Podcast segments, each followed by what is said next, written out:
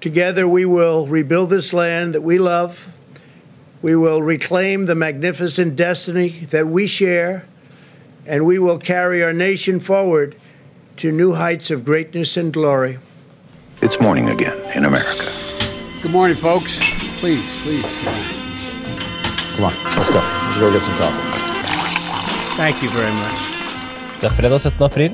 Arbeidsledigheten fortsetter å øke i USA, og målkaffen er servert.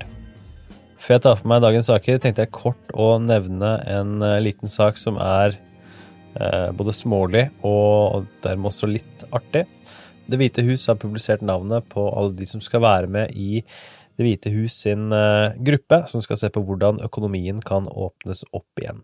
Det er både demokrater og republikanere der, og i Senatet så er samtlige republikanske medlemmer med, med ett unntak. Det er da senator Mitt Romney, som har en lang historie med Donald Trump.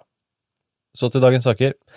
Nye tall fra det amerikanske arbeidsdepartementet viser at 5,2 millioner amerikanere søkte om arbeidsledighetspenger i forrige uke.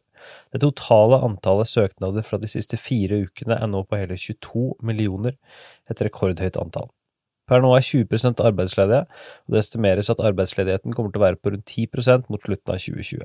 Tall fra Arbeidsdepartementet viser at stater med mye industri rammes hardt. Eksempelvis har 21% av arbeidere i Michigan blitt arbeidsløse den siste måneden. Hawaii er imidlertid den staten som er hardest rammet, med 22% arbeidsledighet grunnet nedgangen i turistnæringen. Dagens andre sak tomt for pengestøtte for småbedrifter. I mars så godkjente Kongressen 350 milliarder dollar i finansiell støtte til småbedrifter. Pengene har imidlertid forsvunnet raskt, og organet som er ansvarlig for lånesøknadene, uttalte torsdag at det er tomt for penger. Tall viser at mer enn 1,4 millioner lån har blitt innvilget. Finansminister Steven Mnuchin har opptatt forhandlinger med Senatet om å øke støtten med ytterligere 250 milliarder til småbedriftene.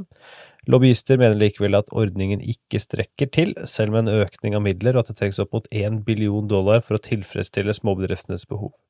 Selv om Senatet nå er i forhandlinger om en utvidelse av støtten, så forventes det ikke en avtale med det første, idet Mitch McConnell, den republikanske majoritetslederen i Senatet, sier at det ikke har vært noen framgang i forhandlingene. Det rapporteres om at demokratene stiller som krav at sykehus og lokale myndigheter skal få en tilsvarende økning i pengestøtte for å godta lovforslaget til republikanerne om å øke pengestøtten til småbedrifter.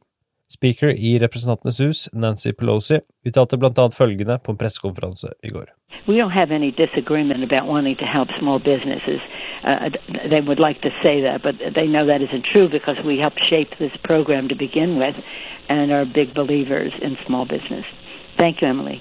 Støtteordningen fungerer som et lån som ikke trenger å tilbakebetales dersom firmaet bruker mesteparten av pengene på å beholde sine ansatte og betale deres lønninger i ti uker. Next question, Michelle.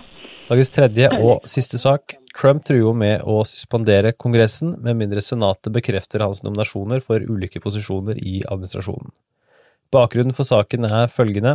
På grunn av pandemien som herjer, så tar Huset og Senatet en pause, og møtes kun for såkalte proforma-møter med jevne mellomrom, slik at Kongressen per definisjon er i sesjon, uten at forsamlingen møter. Samtidig så er Trump misfornøyd med at administrasjonen hans har ledige stillinger, og at han dermed er hindret i sin respons mot koronaviruset, ifølge Trump. Viktig å påpeke det.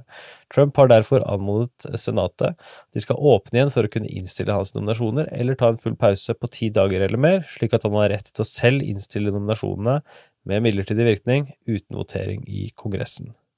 Dette kommer jo ikke til å skje, det har aldri vært gjort før, eh, og flere juridiske eksperter eh, peker på at det skal så mye til eh, som går helt imot både husets og senatets eh, ønsker, at dette ikke kommer til å skje.